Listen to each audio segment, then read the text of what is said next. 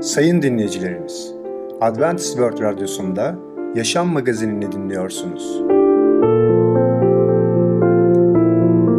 Sayın dinleyicimiz, ben Ketrin Akpınar, Adventist World Radyosu Yaşam Magazinine hoş geldiniz. Sizinle birlikte 30 dakika boyunca olacağım. Bugünkü programımızda peygamberler konusuyla erkek ve kadın, sağlıklı alışkanlıklar konusuyla niçin yemek yeriz, sağlıklı yiyelim sağlıklı yaşayalım konusuyla patlıcan dolması adlı konularımıza yer vereceğiz. Sayın dinleyicilerimiz, Adventist World Radyosunu dinliyorsunuz. Sizi seven ve düşünen radyo kanalı. Bize ulaşmak isterseniz Umutun Sesi Radyosu et yaha.com Umutun Sesi Radyosu et yaha.com Şimdi programımızda Erkek ve Kadın adlı konumuzu dinleyeceksiniz. Ailede kim daha büyüktür? Merhaba sevgili dinleyiciler. Ben Ketrin ve Tamir sizlerle birlikteyiz. Bugün sizlerle birlikte paylaşmak istediğimiz konunun ismi erkek ve kadın. Evet sevgili dinleyiciler şunu gördük ki Rab insanlar için muhteşem her şey yarattı. Peki bunları bakmaya devam edeceğiz. Daha neler Allah yaratabilirdi? Tanrı yarattığı bitki sayısını o kadar çeşit ki biz gözümüzü baktığımız zaman inanamıyoruz. Ama bir düşünün ki bu çeşitli sınırlar olacaktı. Biz nasıl kendimizi hissederdik? Birkaç tanesi ihtiyaçlarımızı karşılayabilirdi. Yeterli de- diyelim ki olabilirdi. Ancak inanılmaz bir çeşitlilik görüyoruz. Bu da Tanrı'nın gerçekten özen gösterdiğini kanıtlıyor. Kutsal yazılar şöyle der. Zevk almamız için bize her şey bol bol veren Tanrı. 1. Timoteus'ta 6. bölümde 17. ayette bu sözleri bulmaktayız. Sevgili dinleyiciler, Yüce Allah harika bir dünya yaratıyor Adem ve Hava için. Dolayısıyla bizler için, insanlar için. Ve Yüce Allah bunu kendi büyük gücüyle yaratıyor. Dolayısıyla büyük gücüyle ayrıca sadece güç olarak kalmıyor. Bunun yanında görüyoruz ki Yüce Allah özenle bu dünyayı yaratıyor. Ve bununla da kalmıyor. Yüce yaratıcımız ayrıca de sevgiyle yaratıyor. Dolayısıyla Rab yarattı bu dünyayı ve ayrıca de bugünkü konumuzda da erkek ve kadını Adem ve Hava'yı yarattığında yüce yaratıcımız gerçekten sevgiyle her şeyi yaratıyor. Sevgili dinleyiciler, baktığımızda eskiden bize gelen hala günümüzde olan birçok bitkileri ve Allah'ın tarafından yaratılmış olan hayvanları günümüzde vardı. Ama bazılarını biz belki de artık dünyamızda kalmadı. Çünkü insanlar onların türlerini bu dünyadan e, silmiş oluyorlar. Şunu da görmekteyiz farklı bir taraftan. Eskiden o güzelliği, o mükemmelliği daha o kadar günahın yetkisinde kalmadığı her şeyi daha temiz şekilde görebiliyorduk. Ama günümüzde de artık teknoloji büyüdüğü için, genişlediği için Allah'ın verdiklerine daha derinliklerden bakmaktayız. Mikroskoplardan bakmış oluyoruz. Bir çiçeğin yaprağı, bir e, çiçeğin poleni, bir çiçeğin içinde topladığı o nektarını ve arının gelip onu toplaması ve bize bir bal haline dönüştürmesine baktığımızda o arı onu o kadar muhteşem bir şekilde yapıyor ki hiçbir cetvel, bir ölçü, sayı bilmeden o kaseleri muhteşem bir şekilde oturtuyor ki ve baktığımız zaman diyoruz ki Rab ne kadar büyüktür, muhteşemdir ve bizi düşünmektedir. Rab bizi sevdiğini de ve bizi yarattığını ve bizimle birlikte olmak istediği ve bize önem verdiğini tekrar ve tekrar kanıtlanmış oluyor. Yüce Allah'ın yaptıklarını gördüğümüzde ona hayran kalıyoruz. Ve ayrıca Zebur kitabında Davut peygamber söylediği gibi 145. mezmur 3. ayette şöyle diyebiliriz. Rab büyüktür. Yalnız o övgüye yarışıktır. Akıl ermez büyüklüğüne. Dolayısıyla 6. gün güneş batmadan Allah'ın evrenini tamamlamadan önce atılacak bir adım daha vardı. O da adım olarak erkeği ve kadını Adem ve Hava'yı yaratmasıydı. Gerçekten dediğiniz gibi 6. günün bitmeden Allah'ın bu muhteşem güzel yaratışından bir daha bir şey yaratması gerekiyordu. O da 6. gün hayvanların yaratılmasıyla başladı. Artık öykünün odak noktası değişiyordu. Allah o ana kadar yeryüzünü yaşanabilir hale getirmeye çalışıyordu. Yaratılış izleyen melekleri büyük son için Allah'ın aklından geçenleri merak etmiş olmalıdırlar. Dünya onlar için mi hazırlanıyordu acaba? Meleklerin böyle bir varsayımda bulunup bulunmadığını bilmiyoruz. Ancak Allah'ın insanı yaratmak için izlediği yol sürprizlerle doluydu. Bakın sevgili dinleyiciler Musa peygamber Tevrat kitabında nasıl söylüyor? Yaratılış 1, 26 ve 27. ayet. Allah insanı kendi suretimizde kendimize benzer yaratılım dedi. Yeryüzünün tümüne egemen olsun diyor Musa peygamber. Allah insanı kendi suretinde yarattı. Böylece insan Allah suretinde yaratılmış oldu. İnsanları erkek ve dişi olarak yarattı. Hemen bu soruyu aklımıza geliyor. Allah insanı kendi suretinde yarattı dediğinde acaba Allah Adem ve Havva'yı bir küçücük tanrılar mı yarattı? Allah'ın küçük bir kopyasını mı yarattı? Kutsal yazılar Rabbin insan tanrı suretinde yarattığını söyler. Tabi bu onun kopyası olduğumuz anlamına gelmez. Hiçbirimiz her şeyi bilen, her şeye egemen olan ve aynı anda her yerde bulunabilen kişiler değiliz. İnsan daha çok aslın görüntüsünü yansıtan bir ayna gibidir. Aslının aynı değildir.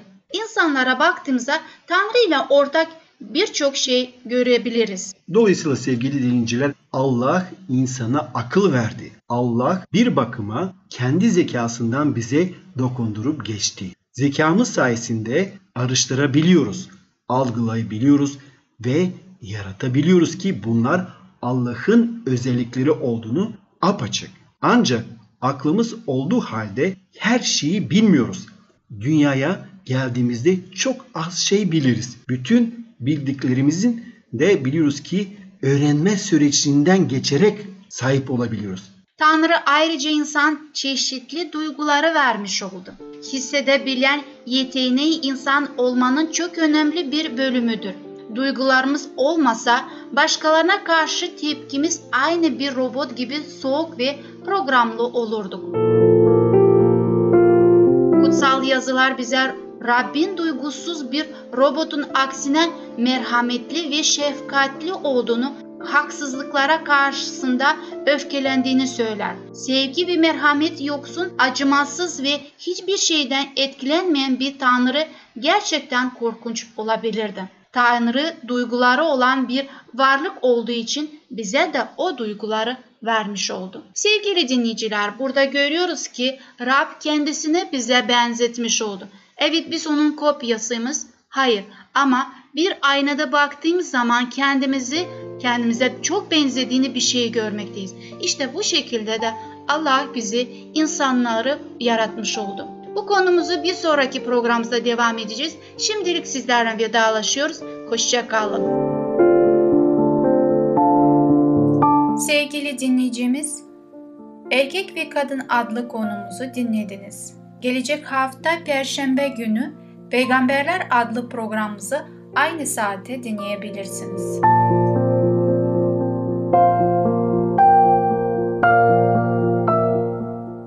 Sayın dinleyicilerimiz, Adventist World Radyosunu dinliyorsunuz. Sizi seven ve düşünen radyo kanalı.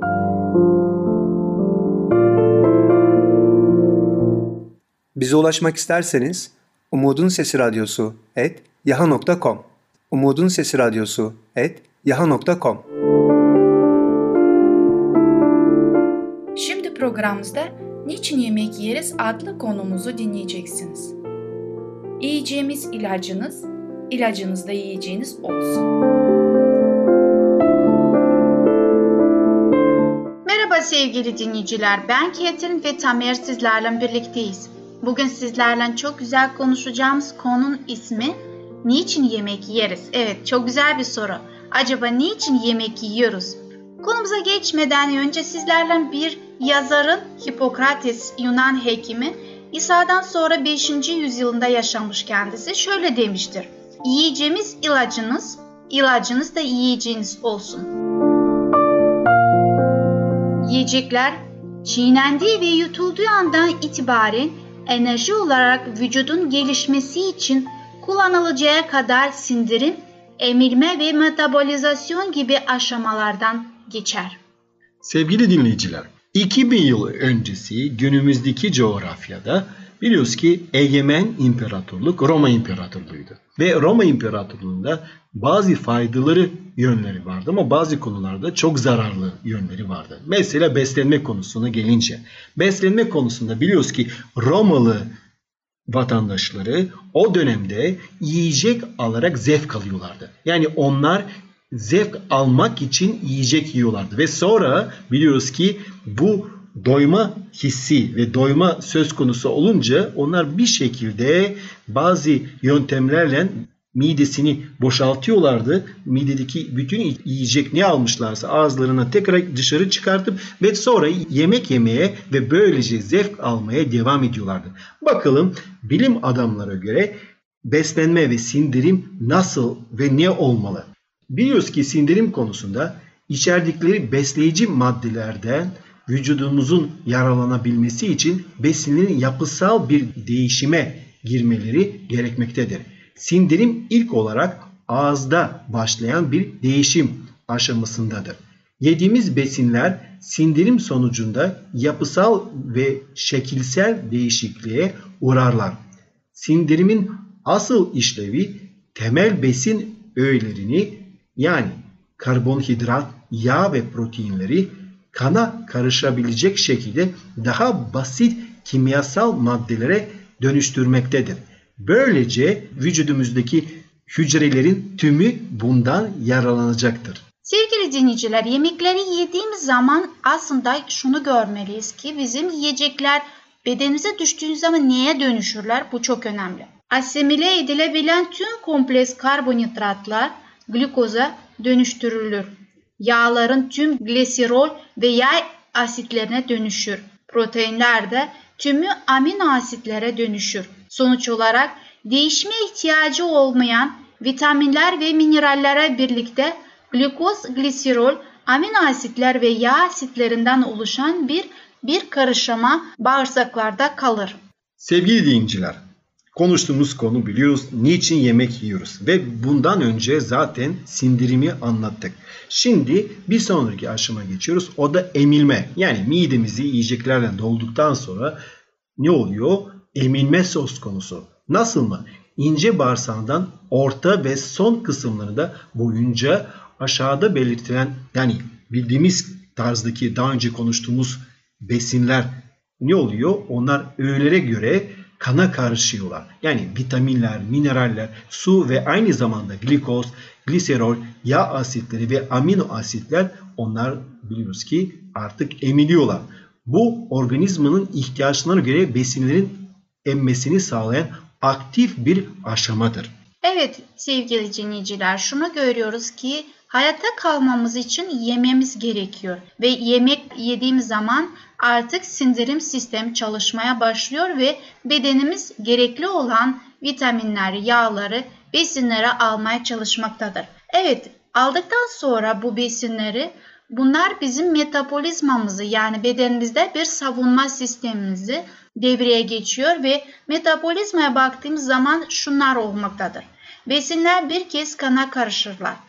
Vücudun enerji ihtiyacını karşılaması ve çeşitli işlevlerini yerine getirebilmesi için metabolizma olmak üzere tüm hücrelere ulaşırlar. Vücudun gelişmesi için doğduğunda 3 kilo iken normal bir gelişme sonucunda 18 yaşında 60 kilo ağırlığında olan bir çocuğu düşünelim. Çocuk sonradan aldığı bu 57 kilo yiyeceklerden almıştır. İskeleti oluşturan minerallerden özellikle kalsiyum ve fosfor ile proteinden gelen amino asitler vücudun gelişimi için birlikte çalışan temel besin öğeleridir. Çünkü onlar vücudun temel yapısını oluştururlar. Ayrıca de biliyoruz ki vücut gelişimini konuşuyoruz ve 18 ya da 20 yaşına kadar sürekli devam eden bir onarım aşaması ve bazı organik doku yenilenmeleri oluşur. Örneğin derimiz, saçlarımız ve tırnaklarımız sürekli olarak yenileniyor. Ayrıca iç organları örten mukoza tabakası da sürekli olarak yenileniyor. Örneğin mide zarı her 3-4 günde rahimin iç kısmını örten rahim zarı her 28 günde bir yenilenir. Alüvarlar kırmızı kan hücreleri yani her 3 ayda bir kendilerini yenilenir. Vücudumuzun sürekli olarak yenilmesini sağlayan maddeler özellikle mineraller ve proteinler günlük olarak yediğimiz yiyeceklerden de elde edilir. Vücutta enerji üretilmesi. Vücudumuzun tüm fonksiyonlarını yerine getirmesi için enerji gereklidir. Aslında yiyecekler yaşam için gerekli olan enerjiyi bize sağlayan yakıt konumundadır. Bedenimiz belli bir yaştan sonra bu vitaminleri ve mineralleri alamıyor. Bundan dolayı bizler bunları ek olarak takviye yapmamız gerekiyor. Organizma içerisinde diğer kimyasal bileşenlerden sentezlenmek suretiyle üretilmeliklerinden dolayı bu maddelerin vücudun dışında alınmaları gerekmektedir. Elzem amino asitler gerek bitkisel gerekse hayvansal kaynaklı olabilen amino asitler proteinlerin bir kısmını oluşturmaktadır. Vücudun elzem amino asitlerinde elde ettiği bazı amino asitler vardır. Fakat elzem amino asitlerin yerini başka hiçbir şey dolduramaz. Sevgili dinleyiciler, bugünkü konumuz sona eriyor. Bir sonraki programa kadar hoşçakalın.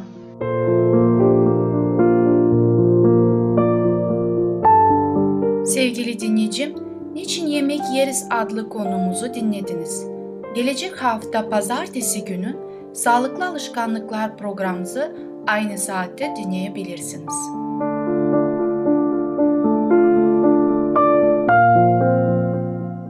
Sayın dinleyicilerimiz, Adventist World Radyosunu dinliyorsunuz. Sizi seven ve düşünen radyo kanalı.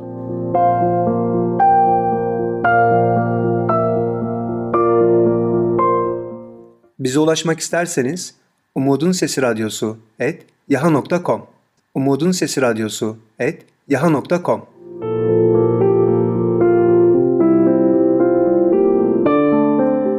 Şimdi programımızda patlıcan dolması adlı konumuzu dinleyeceksiniz. Patlıcanın faydaları ve değerleri nedir?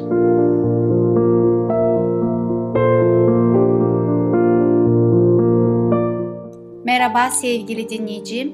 Ben Ketrim ve bugün sizlere tekrar mutfağıma davet ediyorum. Hoş geldiniz. Bugün sizin karşınızdayım yeni bir tarifiyle patlıcan dolması. Bugün tarifimde kuru patlıcan kullanacağım. Neden kuru patlıcan soracak olursanız biz artık kış mevsimdeyiz ve yazdan kalan patlıcanı kullanmayı daha çok tercih ediyorum. Çünkü onlarda vitaminler daha yoğundur. Bilmiyorum sizler nasıl ama ben patlıcanı her şekilde yemeye çok severim. Çünkü patlıcan gerçekten çok lezzetli bir meyvedir.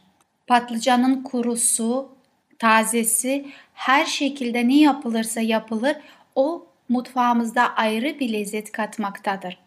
Güneydoğu mutfağında en sevilen yemeklerinden bir tanesi de kuru meyvelerden yapılan ekşili dolmalar. Zevke göre kıymalısı da olabilir, zeytinyağlısı da olabilir. Bu dolmalar bol bol baharat, soğan ve sarımsak birleşimiyle ağız sulandırılan kokular çıkarma konusunda rakip tanımazlar. Zeytinyağlı kuru biber, kabak veya patlıcan ve buraya ek olarak soğan dolması da ekşili dolma diye bilinir ve adını sumak ekşisinden ve sumak suyunda pişirilmesinden alır. İyi bir zeytinyağlı kuru patlıcan dolması yapmaya başlamadan önce size şunu söylemek istiyorum. Tane sumak ve sumak ekşisi satın almaya unutmayın. Kuru patlıcanı aldığınız yerlerde tane sumak ve sumak ekşisini de kolaylıkla bulabilirsiniz. Evet, patlıcan dolması için gereken olan malzemeler nelerdir? 20 adet kurutulmuş patlıcan, 1 su bardağı pirinç, 2 adet büyük boy soğan, 4 diş sarımsak, 4 yemek kaşığı tane sumak, 1 yemek kaşığı sumak ekşisi, elinizde yoksa onun yerine nar ekşisini de kullanabilirsiniz. 1 yemek kaşığı domates salçası, 1 yemek kaşığı biber salçası, 1 yemek kaşığı kuru nane, 1 tatlı kaşığı sumak, yarım tatlı kaşığı karabiber, 1 tatlı kaşığı pul biber, 1 tatlı kaşığı tuz, 1 yemek kaşığı şeker. Ben bazen kullanıyorum, bazen kullanmıyorum. Size kalmıştır. 1 çay bardağı da zeytinyağı elimizde bulunduracağız. Bir de pişirme önerisinde bulunacağım. Pişirirken arada kontrol edin. Eğer beklenenden önce suyunu çekerse sıcak su eklemesi yapın. Pişirmeye geçmeden önce sizlerle birlikte patlıcanın besin değerine bakmak istiyorum. Patlıcan bilimsel adıyla Solanum melangena Solanaceae familyasına ait olup ılık iklimlerde tek yıllık, tropik iklimlerde ise küçük bir ağaç şeklinde büyüyen çok yıllık bir kültür bitkisidir. Patlıcan ilk yetiştirileceği milattan önce 5. yılda Hindistan'da bulunmaktadır. Patlıcanın besin değerleri 100 gram miktarında, kalorisi 24 gram sadece içermektedir. Kolesterolü 0, toplam yağ 0.2 gram, sodyumu 2 mg, potasyumu 230 mg içermektedir. Karbonhidratı 6 gram, diyet lifi 3 gram, şeker 3.5 gram içermektedir. Proteini 1 gram içeriyor. Peki vitaminler hangilerini içeriyor? A vitamini içeriyor, kalsiyumu içeriyor, C vitamini içeriyor, demiri vardır, biliyoruz kararmaktadır. B6 vitamin içeriyor ve magnezyumu içermektedir. Besin değerlerini öğrendikten sonra artık yapılışa geçelim.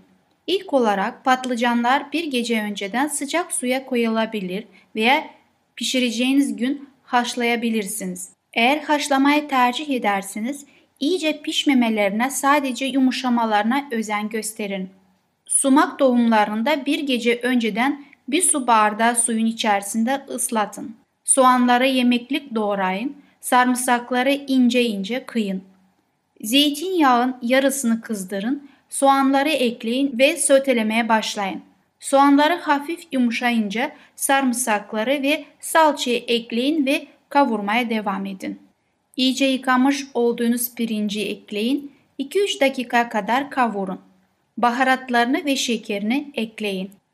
Bütün malzemeleri koyduktan sonra bir bardak sıcak suyu ekleyip pirinçler suyunu çekene kadar pişirin.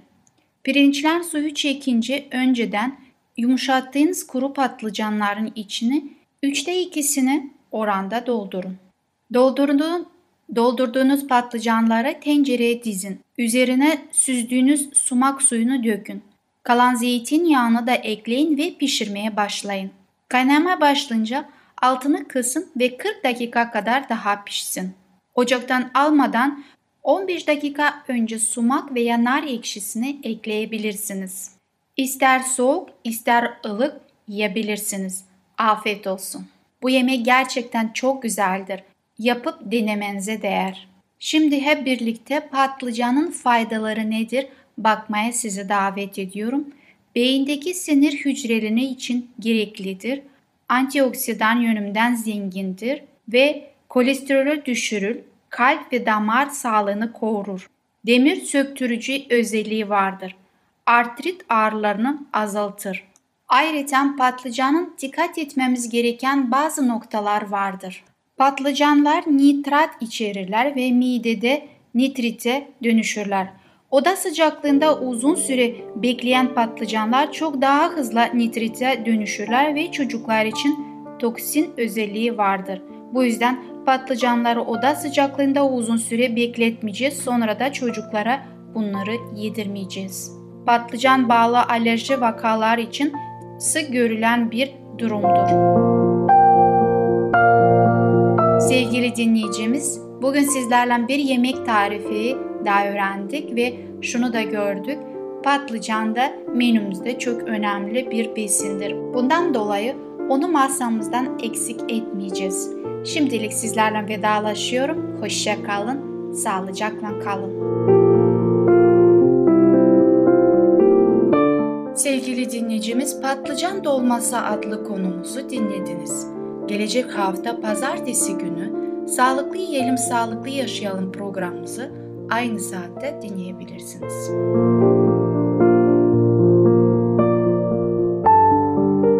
Sayın dinleyicilerimiz, Adventist World Radyosunu dinliyorsunuz. Sizi seven ve düşünen radyo kanalı. Bize ulaşmak isterseniz Umutun Sesi Radyosu et yaha.com Umutun Sesi Radyosu et yaha.com Sayın dinleyicimiz, gelecek programımızda yer vereceğimiz konular Renkli Dünya, Geçiş Diyet, Gelecek için Hazırlık. Bugünkü programımız sona erdi. Bizi dinlediğiniz için teşekkürler. Bir sonraki programa kadar görüşmek dileğiyle. Hoşçakalın.